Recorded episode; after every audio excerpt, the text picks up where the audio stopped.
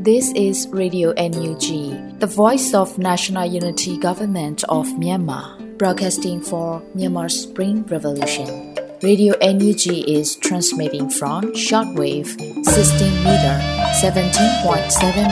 MHz at 8:30 a.m. and 25 meter 11.94 MHz at 8:30 p.m. Myanmar Standard Time. မင်္ဂလာပါရှင်။ မြို့သားညီညွတ်ရေးအစိုးရရဲ့အတန်းနှုန်းဌာန Radio NUG ကိုမနက်ပိုင်း၈နာရီခွဲမှာလိုင်းတူ16မီတာ19.89 MHz ညပိုင်း၈နာရီခွဲမှာလိုင်းတူ25မီတာ17.6 MHz တို့မှာဓာတ်ရိုက်ဖမ်းယူနိုင်စေနိုင်ပါရှင်။မင်္ဂလာအပေါင်းနဲ့ပြည့်စုံကြပါစေ။အခုချိန်ကစပြီး Radio NUG အစီအစဉ်လေးကိုဓာတ်ရိုက်အတန်းလွှင့်ပေးနေပါပြီ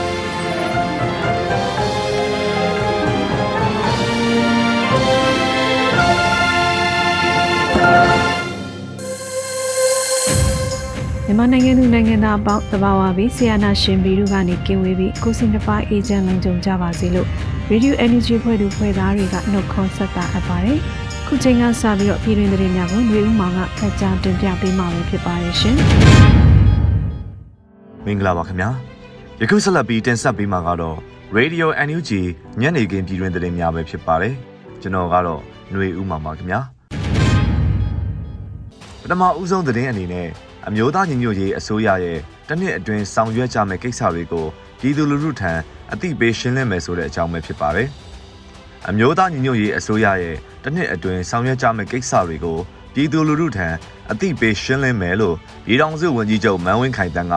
စက်တင်ဘာ28ရက်နေ့ကျင်းပတဲ့အမျိုးသားညီညွတ်ရေးအစိုးရရဲ့တို့ရအဖွဲ့အစည်းအဝေးပွဲမှာပြောကြားခဲ့ပါတယ်။ရခိုင်အဘက်ကဆိုရင်လုံကာနဲ့ PR team နဲ့တွေ့ဆုံပြီး တစ်နှစ်အတွင်းကျွန်တော်တို့ဂျိုးပန်းဆောင်ရွက်ကြမယ့်ကိစ္စတွေနဲ့ပတ်သက်ပြီးပြည်သူကိုဘလို့တွေအသိပေးသွားမယ်ဆိုတာမျိုးတွေဆွေးနွေးပြကြပါတယ်။ PR team အနေနဲ့လည်းမိမိတို့ team ထဲမှာပြန်လည်ဆွေးနွေးပြီးအသေးစိတ်လှုပ်ဆောင်မဲ့အချက်တွေကိုသက်ဆိုင်ရာဝန်ကြီးဌာနများနဲ့ချိတ်ဆက်ပြီးလဲဆက်လက်လှုပ်ဆောင်သွားဖို့တိုက်တွန်းလိုပါတယ်လို့ပြည်ထောင်စုဝန်ကြီးချုပ်ကပြောကြားခဲ့ပါတယ်။ဒါအပြင်ဝန်ကြီးဌာနအချင်းချင်းချိတ်ဆက်မှုအားကောင်းဖို့လိုအပ်ပြီးလူစွမ်းအားအရင်းမြစ်ကိုလည်းစနစ်တကျစီမံကြကာ စီစီလုံးလုံးကြိုးပမ်းဆောင်ရွက်ကြဖို့အတွက်လည်းအစိုးရအဖွဲ့အစည်းအဝေးပွဲမှာပြည်ထောင်စုဝန်ကြီးချုပ်ကဆိုခဲ့ပါတယ်။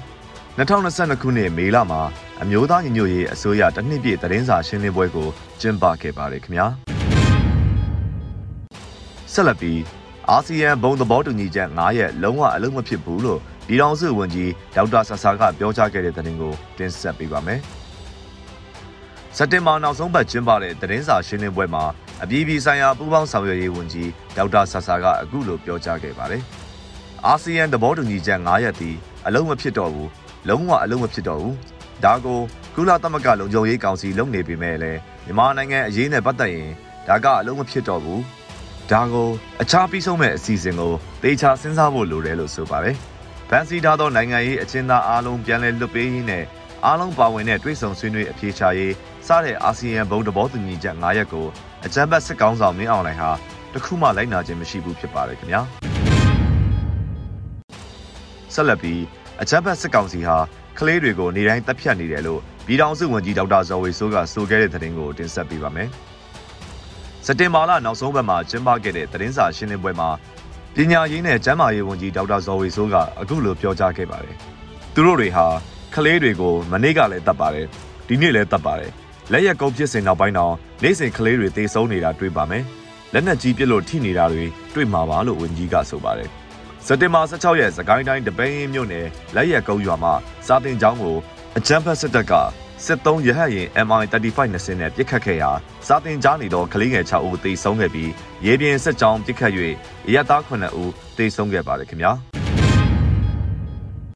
ဆက်လက်ပြီးမြမအရေးနဲ့ပတ်သက်ပြီး UN's commitment to rule of law and Myanmar's representation ကောင်းစစ်ဖြစ်ဆွေးနွေးပွဲမှာပြည်ထောင်စုဝန်ကြီးဦးထင်လင်းအောင်ပါဝင်ဆွေးနွေးမယ့်အကြောင်းကိုတင်ဆက်ပေးပါမယ်။မြန်မာအရေးနဲ့ပတ်သက်ပြီး UN's commitment to rule of law and Myanmar representation ကောင်းစဉ်ဖြစ်ဆွေးနွေးပွဲမှာပြည်ထောင်စုဝန်ကြီးဦးထင်လင်းအောင်ပါဝင်ဆွေးနွေးမယ်လို့သတင်းရရှိပါတယ်။စက်တင်ဘာ29ရက်ကြာသပတေးနေ့မနက်8:00နာရီ EDT US Time မှာအဆိုပါဆွေးနွေးပွဲကိုကျင်းပမှာဖြစ်ပါတယ်။ ဆွေးနွေးပွဲမှာဆက်သွယ်ရေးတရင်အချက်လက်နဲ့ဤပညာဝန်ကြီးဌာနပြည်ထောင်စုဝန်ကြီးဦးထင်လင်းအောင်ထိုင်းနိုင်ငံနိုင်ငံသားရေးဝန်ကြီးကာစစ်ဘီရိုမီယာနဲ့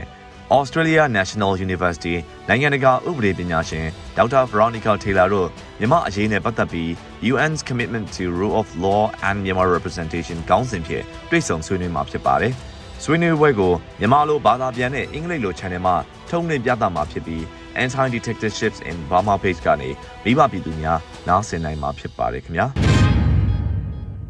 ဆက်လက်ပြီးဒဇယ်မြို့နယ်ကပောင်းကျအခြေရွာမှာလူနေအိမ်အလုံး30ခန့်ကိုအကြမ်းဖက်စစ်တပ်ကဒီကနေ့မနက်ပြီးချို့ဖျက်ဆီးခဲ့တဲ့အကြောင်းတင်ဆက်ပေးပါမယ်။စက်တင်ဘာ28ရက်နွေနက်4နာရီခန့်ကဒဇယ်မြို့နယ်ကပောင်းကျအခြေရွာမှာလူနေအိမ်များကိုအကြမ်းဖက်စစ်တပ်ကမီးရှို့ခဲ့တယ်လို့ဒဇယ် KPK PDF ကဆိုပါတယ်။ စက်တင်ဘာ25ရက်နေ့မှာဝင်ရောက်လာသောစစ်ကောင်စီတပ်များဟာကပောင်းကျရွာအတွင်း3ရက်3ညအကြာနေထိုင်တက်ဆွဲပြီးနောက်ယနေ့မနက်၄နာရီခန့်ကလူနေအိမ်အလုံး30ခန့်မီးရှို့ဖျက်ဆီးပြီးနောက်ပြန်လည်ထွက်ခွာသွားခဲ့ပါတယ်လို့ဆိုပါတယ်။ရွာအထွတ်၌တိုင်မိုင်းတစ်လုံးထိကစစ်ကောင်စီတပ်ဖွဲ့ဝင်အချို့အနှဲငယ်ထိခိုက်ဒဏ်ရာရရှိခဲ့ပါတယ်။ယခုစစ်ကြောင်းသည်ရွာရှိရွာဘက်သို့ဆက်လက်ဥတည်နေတယ်လို့လည်းသတင်းရရှိပါတယ်ခင်ဗျာ။ဆက်လက်ပြီး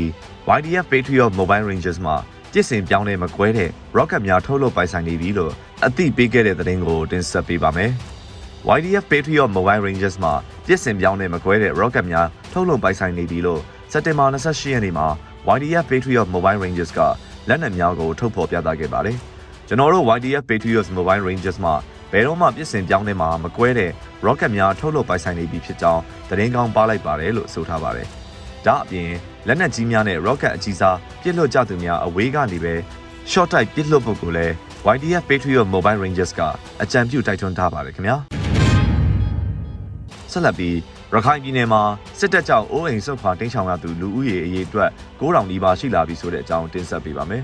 ။စက်တင်ဘာ28ရက်နေ့မှာ UN OCHA မြန်မာကအခုလိုသတင်းထုတ်ပြန်ဖော်ပြထားပါတယ်။ ရခိုင်ပြည်နယ်မှာစစ်တပ်နဲ့ရခိုင်တပ်တော်တို့အကြားတိုက်ပွဲတွေပြင်းထန်လာပြီးရုပ်နယ်အများအပြားမှာလက်နက်ကြီးပစ်ခတ်မှုတွေအရက်သားပိုင်အိုးအိမ်ပျက်စီးမှုတွေအသွားအလာကန့်သတ်မှုတွေနဲ့ဖမ်းဆီးမှုတွေဖြစ်ပွားနေပါတယ်။စက်တင်ဘာလ23ရက်နေ့မှာလက်နက်ကြီးပြင်းခတ်မှုနဲ့စစ်သည်ဝင်ရောက်မှုတွေကြောင့်ဗိုလ်ဒီတောင်မြို့နယ်အတွင်းလူ300ခန့်ဟာ၎င်းတို့ကျေးရွာကနေနေရက်စွန့်ခွာထွက်ပြေးတိမ်းရှောင်ခဲ့ကြရတဲ့အတွက် ဩဂတ်စ်လကစပြီးရခိုင်ပြည်နယ်မှာအိုးအိမ်စွန့်ခွာတိမ်းရှောင်နေရသူအရေအတွက်ဟာ9000နီးပါးအထိရှိလာပါတယ်လို့ဆိုပါတယ်။2021ခုနှစ်ဖေဖော်ဝါရီလကအာဏာသိမ်းယူမှုအပြီးဖြစ်ပေါ်လာတဲ့ပြည်ပခါနဲ့မလုံခြုံမှုတွေကြောင့်မြန်မာနိုင်ငံအဝန်းမှာအိုးအိမ်စွန့်ခွာထွက်ပြေးနေရသူ9,8400ဦးအပါအဝင်လူဦးရေ1.3သန်းကျော်ဟာနေရက်စွန့်ခွာတိမ်းရှောင်နေရဆဲဖြစ်ကြောင်းကုလသမဂ္ဂရဲ့စက်တင်ဘာလ19ရက်နေ့အထိနောက်ဆုံးစာရင်းတွေအရသိရှိရပါတယ်ခင်ဗျာ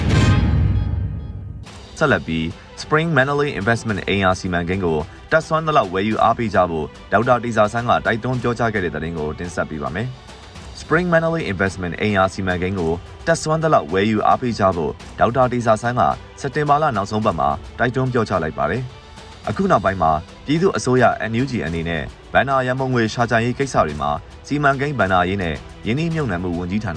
MOPFI ကအဓိကတာဝန်ခံကြိုးပမ်းဆောင်ရွက်နေတာကိုတွေ့ရပါတယ်။ NUG အနေနဲ့လိုအပ်နေတဲ့ငွေလုံးငွေရင်းပမာဏကို EOD ကနေရနိုင်ဖို့မျှော်ရည်ထားတဲ့သဘောပါ။ဒါကြောင့် EOD အစီအစဉ်တွေကိုကျွန်တော်တို့လူထုအနေနဲ့အထူးအာရုံစိုက်ဝိုင်းဝန်းကြဖို့တိုက်တွန်းလိုတယ်ဗျ။အခု EOD Spring Manly Investment စီမံချက်ကရောင်းချမဲ့မြေနေရာတွေကလည်းအလွန်အကွက်အကွင်းကောင်းမွန်လာတာကိုမန်လေးသားတွေအသိဆုံးဖြစ်ပါတယ်ကျွန်တော်တို့ပြည်သူတွေညီကြမယ်နော် EOD အစီအစဉ် Spring Manly Investment ကိုတက်ဆွမ်းတဲ့လောက်ပါဝင်ကြပါဝယ်ယူကြပါဗျာ ပြည်သူအားကိုအများကြီးလိုပါတယ်ခင်ဗျာလို့ဒေါက်တာတေဇာဆန်းကဆိုပါတယ်လက်ရှိမှာ Spring Manly Investment အင်အားစီမံကိန်းမြေကွက်များဝယ်ယူရန်အယောင်ကိုယ်စားလှယ်များထံမြေကွက်300ကျော်ကြိုတင်အမှားစာတင်ထားပြီလို့သတင်းရရှိပါတယ်။အင်အားစီမံကိန်းများဖြစ်တဲ့ຫນွေဦးနှင်းစီຫນွေဦးရောင်စင်နဲ့ຫນွေဦးတောင်ရိပ်ညိုတို့မှာမန္တလေးမြို့ရဲ့အချက်အချာကျသောနေရာများတွင်တည်ရှိပြီးဝယ်ယူသူများမှာလည်းဒေါ်လာရေးကာလဖြစ်၍ တန်ဖိုးဤ40ရာခိုင်နှုန်းကိုသာ3လအတွင်းပေးချေနိုင်ပြီးကျန်60ရာခိုင်နှုန်းကိုဒေါ်လာရေးကာလအပြီးစီမံကိန်းစတင်သောကာလတွင်သာအရေးကြပေးချေရမှာဖြစ်ပါတယ်ခင်ဗျာယခုနောက်ဆုံးတင်ဆက်ပေးမယ့်သတင်းကတော့မြန်မာပြည်ပွားတိုင်းရင်းသားများစုပေါင်းရန်ပုံငွေရှာဖွေပွဲမှာအလူငွေစုစုပေါင်းကယ်လီဖိုးနီးယားဒေါ်လာ6000ခန့်ရရှိတယ်လို့ MEF ကနေဒါကဆိုခဲ့တဲ့သတင်းကိုတင်ဆက်ပေးပါမယ်။မြန်မာပြည်ပွားတိုင်းရင်းသားများစုပေါင်းရန်ပုံငွေရှာဖွေပွဲမှာအလူငွေစုစုပေါင်း ကယ်လီဖိုးနီးယားဒေါ်လာ6000ခန့်ရရှိတယ်လို့ MEF ကနေဒါကဆိုလိုက်ပါတယ်။စက်တင်ဘာလနောက်ဆုံးအပတ်ထဲမှာ MEF ကနေဒါကဖော်ပြအသိပေးပါတယ်။စက်တင်ဘာလအတွက် pre-order food နဲ့ live food ချက်ပြုတ်ပြီးစက်တင်ဘာ25ရက်မြန်မာပြည်ပွားတိုင်းရင်းသားများစုပေါင်းရန်ပုံငွေရှာပွဲတွင်လာရောက်အားဖြည့်ပေးကြပါသောစေတနာရှင် vendors များရဲ့ရောင်းချရသောအလူငွေများ EOD, bond, lucky draw နဲ့ຫນွေဦးထီလက်မှတ်ရောင်းရငွေများနဲ့ ငွေသားအလူငွေစုစုပေါင်းကယ်လီဖိုးနီးယားဒေါ်လာ6000ခန့်ရရှိပါတယ်လို့ဖော်ပြပါတယ်။အဆိုပါအခမ်းအနားကိုသတင်းအချက်အလက်နဲ့ဆက်သွယ်ရေးဤပညာဝန်ကြီးဦးထင်လင်းအောင်လည်းတက်ရောက်ခဲ့ပါတယ်။အလူငွေအများဆုံးရရှိအောင်ပံ့ပိုးပေးကြပါသောအလူရှင်များအဖက်ဖက်မှရမုံငွေအများဆုံးရရှိအောင်အားပေးကူညီကြပါသောမိတ်ဆွေတူတယောက်ချင်းစီတိုင်း performance တွင်ပန်ဝင်ပမိုးပေးကြပါသောကနေဒါဖွာကလေးသူငယ်များနဲ့မြန်မာမိသားစုများတိုင်းရင်းသားညီကိုမောင်နှမများအားလုံးကိုကျေးဇူးတင်ရှိပါတယ်လို့ MEF ကနေဒါကဆိုပါတယ်ခင်ဗျာ ယခုတင်ပြပေးခဲ့တဲ့သတင်းတွေကို Radio NUG သတင်းတောက်မင်းမင်းကပေးပို့ပေးထားတာဖြစ်ပါတယ်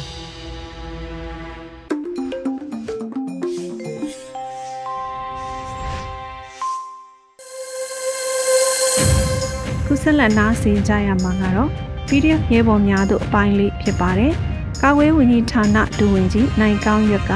ပြောကြားပေးမှာပဲဖြစ်ပါရဲ့ရှင်။ရဲဘော်တို့ကျမဒုက္ခနဲ့ပြေဝပြီး မင်္ဂလာပါလို့နှုတ်ခွန်းဆက်တာပါတယ်။အကြမ်းဖက်စစ်ကောင်စီဟာ2021ခုနှစ်ဖေဖော်ဝါရီတရက်နေ့မှာတိုက်ပြည်အချုပ်ချာအာဏာကိုသိမ်းယူလိုက်ခြင်းကြောင့်စတင်လာတဲ့ပြည်သူတော်လှန်ရေးကြီးနှုတ်ဝိတော်လှန်ရေးဟာတစ်နှစ်ကျော်ခဲ့ပါပြီ2021မေလ9ရက်နေ့မှာပြည်သူ့တပ်မတော်ကိုအမျိုးသားညီညွတ်ဆိုရကာကွယ်ရေးဝန်ကြီးဌာနကမေးဖွာပေးခဲ့ပါတယ်အမျိုးသားညီညွတ်ရေးဆိုရ ယာယီတမရဒူဝါလာရှိလာကအကြမ်းမဲ့စစ်ကောင်စီကိုဒီဒီတိုက်ပွဲခေါ်တာကြီးညာခဲ့ဒီမှာလဲတနစ်တင်တင်ပြည့်ခဲ့ပြီရဲဘော်တို့ပြည်သူ့ကာကွယ်ရေးတပ်မတော်ဟာပြည်သူတို့ရဲ့အသက်အိုးအိမ်စီးစိမ်ကိုကာကွယ်ဖို့အဓိကတာဝန်ဖြစ်ပါတယ်ဒီလိုကာကွယ်နိုင်အောင်ရဲဘော်တို့ရဲ့စုဖွဲ့မှုထိန်းချုပ်မှုအားကောင်းသောအမိတ်ပေးပုတ်ကဲမှုအောက်အမိတ်နာခံမှု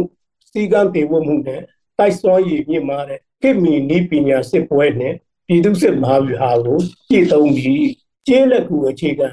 မြို့ကိုပောက်ဝိုင်းပြီးတရားသောစစ်ကိုဆင်နွှဲသွားရမယ်။မန္တန်ကြီး၃ရပ်ဖြစ်တဲ့ဥပဒေပြုရေးအုပ်ချုပ်ရေးနဲ့တရားစီရင်ရေးဆိုတဲ့အာဏာ၃ရပ်ကိုစိုက်ထူပြီးအမျိုးသားညီညွတ်အစိုးရကိုတိဆောက်ပြီးကာကွယ်သွားရပါမယ်။ရဲဘော်တို့နောက်ဆုံးမှာကျွန်တော်တို့မြန်မာနဲ့ ဖက်ဒရယ်ပြည်ထောင်စုကြီးနဲ့ဖက်ဒရယ်တပ်မတော်ပေါ်ပေါက်လာရေးအတွက်ခိုင်မာသောစိတ်ဓာတ်ဖြင့်အကြမ်းဖက်စစ်ကောင်စီကိုအမြင့်ဖြတ်ချေမှုန်းပြီးတရားသောစစ်ကိုအောင်တည်သည့်တိုက်ပွဲဝင်သွားကြပါစို့လို့တိုက်တွန်းနှိုးဆော်လိုက်ရပါသည်ပြည်သူအရေးတော်ပုံမှုတ်ချအောင်ရမယ်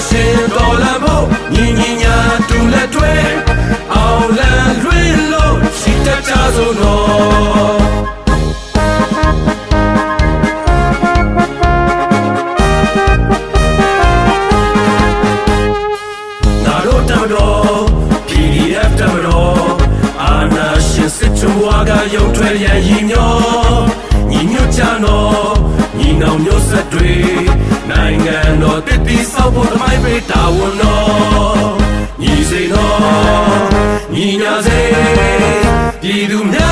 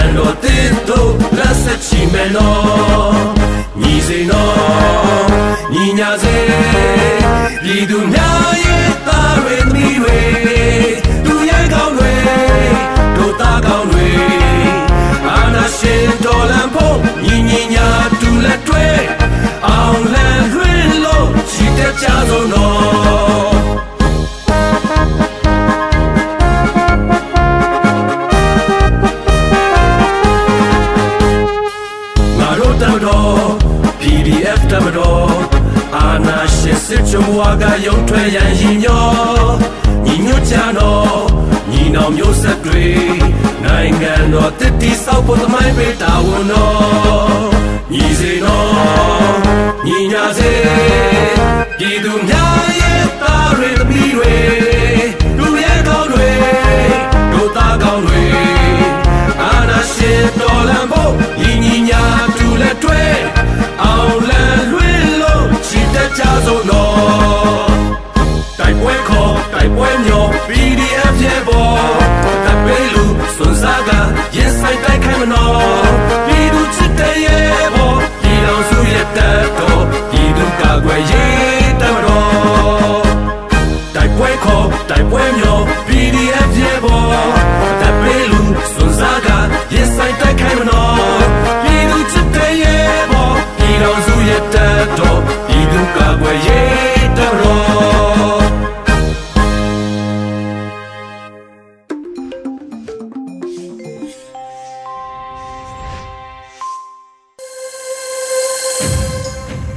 လက်ပြီးမြို့သားဒီမိုကရေစီအဖွဲ့ချုပ်34နှစ်ပြည့်နဲ့အာနာရှင်လောင်းရိတ်ကရုံးထွက်ကြဖို့အရေးဆိုတဲ့မုံမခမြင်ကွင်းစောင်းမလေးကိုတော့ကျမຫນွေဦးမုံကဖတ်ကြားပေးမှာဖြစ်ပါတယ်ရှင်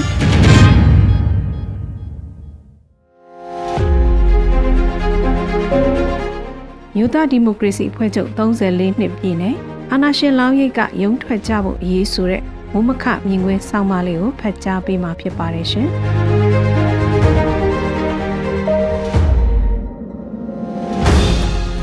က်တဘာ29ရက်ကျင်းပတဲ့မြို့သားဒီမိုကရေစီအဖွဲ့ချုပ်တည်ထောင်ခြင်း34နှစ်ပြည့်အခမ်းအနားကိုအွန်လိုင်းကနေ live ဖွင့်သွားပါတယ်။ NLD ပါတီကမြေပေါ်ပါတီတရဲ့အနေနဲ့စစ်ကောင်စီမျက်စိအောက်မှာတတိကြီးကြီးနဲ့နေတဲ့ပါတီလို့ပြောလို့ရပါတယ်။ဒီတစ်ခါ34နှစ်မြောက်မှာတော့ NLD ပါတီကလူမျိုးနယ်မြေအခြေစိုက် CRPH တို့ NUG တို့ကသူတို့ပါတီဝင်တွေအမတ်တွေနဲ့မဟာမိတ်တွေနဲ့အတူလက်တွဲပြီးပြောင်းအခမ်းအနားကျင်းပတာမှုထူးခြားတယ်ဆိုရပါတယ်။ online လွှင့်တာကလည်း PPTV တို့လို Real Dollar ရဲ့အခြေခံတဲ့ media platform ကနေ live လွှင့်တာတွေ့လိုက်ရပါတယ်။ခုတော့အဲ့ဒီ live video မတွေ့ရတော့ပြန်ပါဘူး။တလောက NLD ပါတီကောင်းဆောင်တွေကိုယ်တိုင်က NUCC ရဲ့အခမ်းကဏ္ဍမှာအကန့်အသတ်နဲ့လက်တွဲမယ်လက်မတွဲဘူးလို့ပြောကြဆိုကြဆွေးနွေးကြဖြစ်ခဲ့ကြပါတယ်။မြေပေါ်ပါတီတရဲ့အနေနဲ့က2020ရွေးကောက်ပွဲနိုင်ပါတီအနေနဲ့ရောပါတီလန်ကိုလူမြောက်နယ်မြေမှာလွှင့်ထူမဲ့မထူဘူးဆိုပြီးတော့လဲ ချင်းချင်းကြားဆွေးနွေးညင်းခုံမှုတွေရှိခဲ့တယ်လို့ကြားမှုပါတယ်။လက်ရှိမြေပေါ်မှာစစ်ကောင်စီလက်အောက်ကတရားဝင်ပါတီအဖြစ်ဆက်ရက်တည်ဖို့နိုင်ငံရေးဆွေးနွေးပွဲမှာပါဝင်နိုင်ဖို့2023ရွေးကောက်ပွဲဖြစ်နိုင်ခြေကိုချိန်ဆဖို့စတဲ့အရေးတွေဖြင့်မြေပေါ်မှာဆက်ကြံရတဲ့ပါတီကောင်းဆောင်တွေပါတီဝင်တွေဖန်စီထိမ့်သိမ်းထောင်ချခန့်ဒေါအောင်ဆန်းစုကြည်ဦးဝင်းမြင့်တို့အပါအဝင်နိုင်ငံရေးအကျဉ်းသားတွေနဲ့စဉ်ဆက်မပြတ်ထိတွေ့ဆက်ဆံဖို့စတဲ့အရေးတွေကိုတော်ကိုစဉ်းစားချိန်ဆခေါင်းခဲနေတဲ့ပါတီလို့လဲ ဝေဖန်သူအချို့ကမှတ်ချက်ပေးပါတယ်။ခုတော့ NLD 34နှစ်ပြည့်မွေးနေ့ကိုပြပရောက်တဲ့ပြည်ရင်းကတင်းရှောင်နေတဲ့ပါတီဝင်တွေခေါင်းဆောင်တွေအမတ်တွေနဲ့ကျင်းပလိုက်ကြပါပြီ။ဒီခမ်းနားက NLD ပါတီရဲ့ရည်တည်ချက်ထုတ်ဖော်ချက်တွေဟာမြန်မာပြည်တော်မှာရှိတဲ့ပါတီခေါင်းဆောင်တွေပါတီဝင်တွေအမတ်တွေရဲ့တခဲနဲ့တော့ဆန္ဒသဘောထားအဖြစ်ထပ်တူတယ်ဆိုရင်တော့ NLD ပါတီဟာနှွေဦးဒေါ်လာရင်းနဲ့အတူတူလက်တွဲချီတက်နေပြီလို့ဆိုနိုင်ပြီလားမသိပါမြို့သားဒီမိုကရေစီဖွဲ့ချုပ်ဟာ ပြည်သူတွေလိုလားတဲ့ဒီမိုကရေစီအခွင့်အရေးအတွက်ဖွဲ့စည်းတည်ထောင်ရုံကမကခက်ခဲပေါင်းမြောင်များစွာကိုကြံ့ကြံ့ခိုင်ရင်ဆိုင်ပြီးပြည်သူဘက်မှမမမမတ်ရက်တီးခဲ့တာကိုအထင်အရှားတွေ့မြင်ရပါတယ်လို့ NUG ရဲ့ယာယီသမရာကြီးကအခမ်းအနားမှာချီးကျူးစကားဆိုလိုက်ပါတယ်။ဒါအပြင် NLD ပါတီဝင်များအနေနဲ့တခက်နဲ့အောင်မြင်မှုရရှိလာခြင်းမှာတဦးကိုတဦးအလေးထားဖို့နဲ့ခြားပါတီများနဲ့ပူးပေါင်းဆောင်ရွက်ရမှာပုံမှုအားစိုက်ဖို့ခုထပ်ပုံမှုစ조사လှုပ်ဆောင်ဖို့ကိုလည်း ယာယီသမရဒူဝါလက်ရှိလာကထပ်လောင်းပြောကြားခဲ့ပါတယ်။ယာယီသမရကြီးကအခြားပါတီများနဲ့ဆက်ဆံရေးကိုဒီထက်ပိုပြီးလှုပ်ဆောင်ကြပါလို့တိုက်တွန်းနေတာကိုသတိချက်လိုက်မိပါတယ်။ NLD ပါတီဗဟိုရဲ့34နှစ်ပြည့်တရားဝင်ထုတ်ပြန်ချက်မှာတော့ NLD က2019ဒေါအောင်ဆန်းစုကြည်လမ်းညွှန်ထားတဲ့ဖရယ်အခြေခံမူ6ချက်ကိုလက်ခံပြီးတော့တွင်ကူးပြောင်းရေးကာလဖွဲ့စည်းပုံအခြေခံဥပဒေတရပေါ်ပေါက်ရေးကိုပြင်ဆင်နေတယ်လို့ဆိုထားတော့သူတို့တွေကလက်ရှိပင်မရေးစည်းဖြစ်တဲ့ NUCC, CRPH, NUG တို့ရဲ့ roadmap နဲ့အတူတူပဲလားဆိုတာကိုအတိအလင်းမပြောထားတာကတော့ထောက်ပြစရာရှိပါတယ်။ဒါပေမဲ့ပြည်ပရောက်နေတဲ့ပါတီကောင်းဆောင်လည်းဖြစ် CRPH ဥက္ကဋ္ဌလည်းဖြစ်တဲ့ဦးအောင်ကြည်ညွန့်ကတော့ဂျမ်ဖတ်စစ်ကောင်စီဟာမြန်မာနိုင်ငံရေးမှာစစ်ဘက်လွှမ်းမိုးမှုဆိုတဲ့နိုင်ချက်ကြီးစိုးမှုရဲ့နောက်ဆုံးချုပ်ငိမ့်တော့မဲ့၊ကွဲပြောက်တော့မဲ့မျိုးဆက်အဖြစ်ညီကုန်းချုပ်တော့မယ်ဆိုတာကိုမြင်တွေ့နေရပြီဖြစ်ပါတယ်။တိုင်းသားပြည်သူအလုံးရဲ့အောင်ပွဲဟာ ညီလူအားဆိုင်မှုနဲ့အတူအပိသက်ရရှိတော့မှာဖြစ်ပါတယ်လို့ဆိုပါတယ်။ဒီလိုဆိုလိုက်ပြန်တော့သူတို့ပါတီကမြို့ဒေါ်လာရင်းနဲ့ပြည်သူတွေနဲ့တသဘောတည်းပဲလို့ကောက်ယူရမလို့ဖြစ်နေပါတယ်။ပါတီရဲ့ဒီရင်နဲ့ပတ်သက်ပြီးအတွင်းပြပခါတွေရှိနေပုံရတာကိုပါတီရဲ့သဘာပတိတဦးဖြစ်တဲ့မန်ဂျော်နီရဲ့စကားထဲမှာလည်းတွေ့ရှိနိုင်ပါတယ်။မြို့သားဒီမိုကရေစီအဖွဲ့ချုပ်သဘာပတိအဖွဲ့ဝင်မန်ဂျော်နီကခုလိုပြောကြားလိုက်ပါတယ်တဲ့။မိမိတို့မြို့သားဒီမိုကရေစီအဖွဲ့ချုပ်ရဲ့ဖြတ်တန်းမှုတမိုင်းဟာပြည်သူတွေရဲ့တမိုင်းဖြစ်တဲ့ ပြည်သူတွေဒုက္ခဆင်းရဲဟာမိမိတို့အဖွဲ့ချုပ်ရဲ့ဒုက္ခဆင်းရဲပဲဖြစ်တယ်။မိမိတို့ရဲ့ခေါင်းဆောင်ဒေါအောင်ဆန်းစုကြည်ပြောခဲ့သလိုပြည်သူရှိရင်ပါတီရှိမယ်ဆိုတဲ့အတိုင်းမိမိတို့အဖွဲ့ချုပ်ဟာပြည်သူကိုအခြေခံသလိုပြည်သူအရေးကိုဘယ်တော့မှဘယ်အကြောင်းနဲ့မှစွန့်ခွာသစ္စာဖောက်လို့မရဘူးဆိုတာတတိယကြဈေးလိုတယ်လို့ဆိုပါတယ်။ဆိုတော့ NLD ပါတီဟာစစ်ကောင်စီနဲ့ဆက်ဆံရေးမှာပြပြသားသားရည်တည်ဖို့အရေးမြို့တော်လေးအအားစုများအပါအဝင် NLD ပါတီဝင်တွေအများအပြားပါဝင်တဲ့ NUCC, CRPH, NUG အင်အားစုတွေနဲ့ဆက်ဆံရေးမှာရှင်းလင်းပြသဖို့အရေးနှစ်ခုကြားမှာရှိနေစေဖြစ်တယ်လို့ကောက်ချက်ဆွဲရင်မှားမယ်မထင်ပါဘူး။ NLD ပါတီရဲ့တမိုင်းကိုပြန်ကြည့်လိုက်မယ်ဆိုရင်လည်းအာနာရှင်လောင်းရိပ်မျိုးစုံကနေရုံထွက်ဖီးဆက်ရှင်တန်ခဲ့ကြတာကိုတွေ့နိုင်ပါတယ်။ NLD ကိုចောင်းတစ်ချောင်းလိုစဉ်းစားရင်ကျောင်းအုပ်မျိုးစုံအောက်ကနေကျောင်းသားတွေဖြတ်တန်းတက်ရောက်ခဲ့ကြတယ်လို့မျိုးပါပဲ။ဦးတေဦးဦးကြည်မောင်ဦးအောင်ကြီးဦးအောင်ရွှေဦးလွေတို့လို့ စစ်ကောင်းဆောင်ဟောင်းတွေအောက်က NLD ပြီးတော့တက်ကြီးတဲ့ရတာတက်သည့်ပညာရှင်တွေနိုင်ငံရေးသမားဟောင်းကြီးတွေအောက်က NLD စတဲ့သဘောထားရည်တည်ချက်ခံယူမှုတွေကွဲပြားတဲ့အုပ်ချုပ်မှုမျိုးစုံအောက်ကဖြတ်တန်းလာတဲ့ NLD မျိုးဆက်အကြောင်းစင်းတွေအများကြီးပေါ်ထွက်ခဲ့ပါတယ်။နောက်ဆုံးကတော့ဒေါန်ဆန်းစုကြည်ဦးဆောင်မှုအောက်က NLD နောက်ဆုံးမျိုးဆက်အကြောင်းစင်းတွေအထိလို့ဆိုရပါမယ်။ရီဒေါ်လိန်မှာသုံးသက်ကြည့်ရရင်နောက်ဆုံး NLD အကြောင်းစင်းတွေ96မျိုးဆက်ရွှေဝါရောင်မျိုးဆက် ကြားပြည့်ရွေးကောက်ပွဲ2015-2020ရွေးကောက်ပွဲဖြတ်တန်းမျိုးဆက်တွေကမျိုးဆက်ဟောင်းလောင်းရိပ်ပေါင်းစုံအာနာရှင်ဆန်နဲ့လောင်းရိပ်မျိုးစုံကနေရုံထွက်ပြီးအာနာရှင်မျိုးဆက်ဖြတ်မဲ့ရီဖရက်တော်လန်ရေးတဲ့ဝင်ရောက်ရုံးကန်နေကြတဲ့အချိန်ရောက်လာခဲ့ပြီဆိုရမှာဖြစ်ပါတယ်။နောက်ဆုံး NLD ပါတီចောင်းစင်းတွေကဆရာထက်တပည့်လက်ဆောင်ထက်ကြလိမ့်မယ်ညှော်လင့်ပါတယ်။ဒေါ်စုကိုရိုင်းကလည်းအတိုင်းပြည်ကကျမကိုမလို့အပ်တော့ဘူးဆိုတဲ့အချိန်အခါမျိုးကိုကျမကြိုးစိုးပါတယ်လို့ဒီသဘောထားမျိုးပြောခဲ့ပူပါတယ်။ မျိုးဆက်ဟောင်းတွေကိုယ်တိုင်ကဂုဏ်ယူရတဲ့မျိုးဆက်သစ်တွေရဲ့ခေါင်းဆောင်မှုနောက်ကလိုက်ကြရမယ်။နာဂတ်တိုင်းပြည်ကိုသာမြင်လိုပါတယ်။ NLD ပါတီ34နှစ်မှာဘယ်လဲဘာလဲစဉ်းစားပြီးကြပြီလို့ထင်ပါတယ်ရှင်။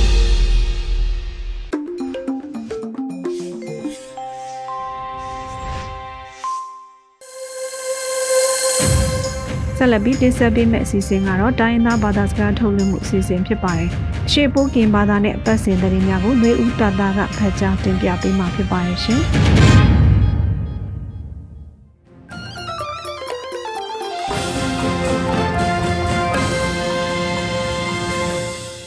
ဟောချွန်လာဆိုင်အခါယိုရေဒီယိုအန်ယူဂျီကို လနွေအထောင်ဘာဆိုင်တာဒီချက်ပလက်အကိုင်ကျုံတရဖာယိုဖလမှုန်ထောင်းပြတာစခိုင်ကိုလက်အိနော်မလို့ဖလောထောင်းပါစီလောရဲနော်မွေဝိနွေဦးတတာလောချက်ပလက်အနိုင်လက်နော်မွေဝိစေဖို့ဒီမိုကရေစီအခုကလပါတီယို ဩဂုံခဝိတာခေါကမလို့ဩဦးလကိုင်ကိုဒါဘာကပယောင်နော်ယာယီတမတာဒူဝါလက်ရှိလာလောဝိတာဆပ်လလာစန်တိုင်ပါနိုင်ချစ်နေတော့ပတော်ဝေစေဖို့ဒီမိုကရေစီအခုကလပတုံထောင်းတန်ချစ်လိမ့်နေပိုင်ပိုင်ချက်တော့စကလေယိုယာယီတမတာဒူဝါလက်ရှိလာနော်လောဝိတာစီလောစေဖို့ဒီမိုကရေစီအခုကလယိုခေါကမလို့တဲ့စမုံလာပါတာဩဝေဒီမိုကရေစီစနေတာအကောင်ပကောပတုံထောင်းယူဝိတာလကချက်ကားချက်ကေအကလာပအော်ထာဝိတာဂိုဂိုခခကိုအုံကိုခန့်ထားဝိတာလက်ခေါကမလို့အော်လကိုင်တော့ဒီဒါဘာကကရနော်လောဝိတာစီလောပြင်းတော့သူ NLD ပါတီစာတီတုံးချပလွန်ကပေးမနေအတောင်ပန်လကဒီလကပါဒူးရန်ရောင်ပါလာတီခိုင်ခွန်ပါတီခေါမဘာပုံတိတ်စမယုဘာကလစ်စီအာထောင်ဝိတာနော်ဒီ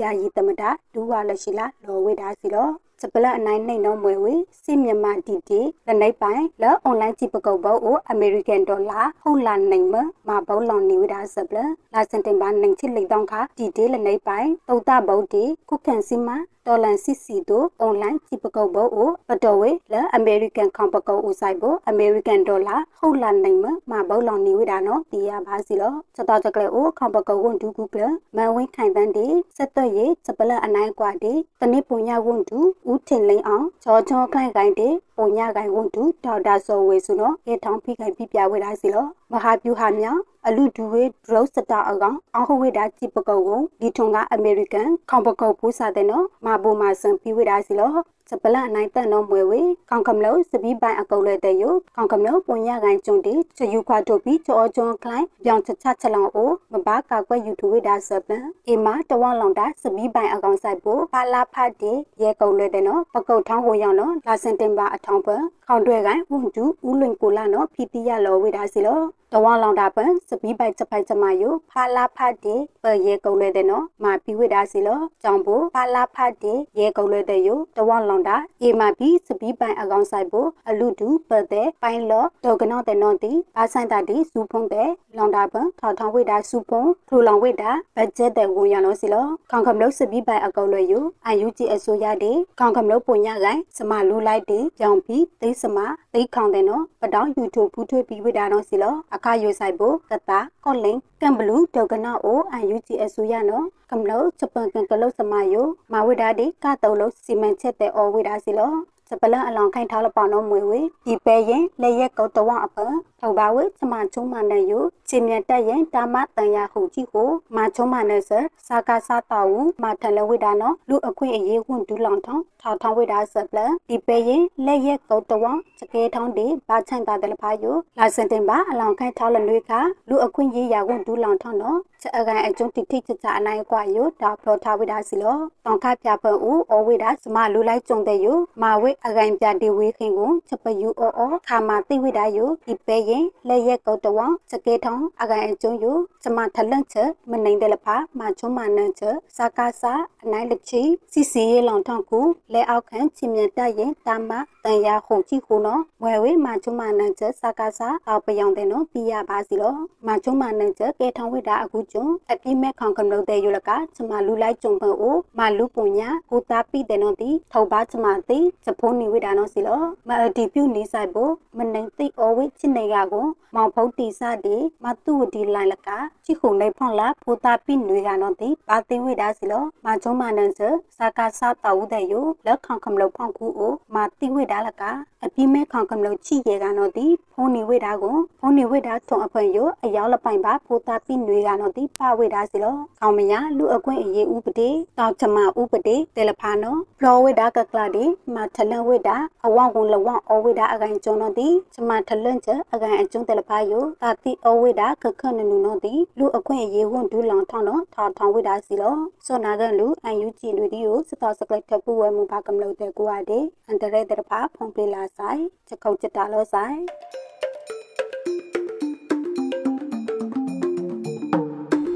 ဒီကနေ့ကတော့ဒီညနဲ့ပဲ Radio NUG ရဲ့အစီအစဉ်လေးကိုခਿੱတရနာလိုက်ပါမယ်ရှင်။မြမစံတော်ချိန်မနက်၈နာရီခွဲနဲ့ည၈နာရီခွဲအချိန်တွေမှာပြန်လည်ဆုံတွေ့ကြပါစို့။ Radio NUG ကိုမနက်ပိုင်း၈နာရီခွဲမှာလိုင်းတူ16မီတာ19.8 MHz ညပိုင်း၈နာရီခွဲမှာလိုင်းတူ25မီတာ 17.6 MHz တို့မှာဓာတ်ရိုက်ဖမ်းလို့နိုင်စေနိုင်ပါပြီ။မြန်မာနိုင်ငံသူနိုင်ငံသားတွေကိုစိတ်နှပြ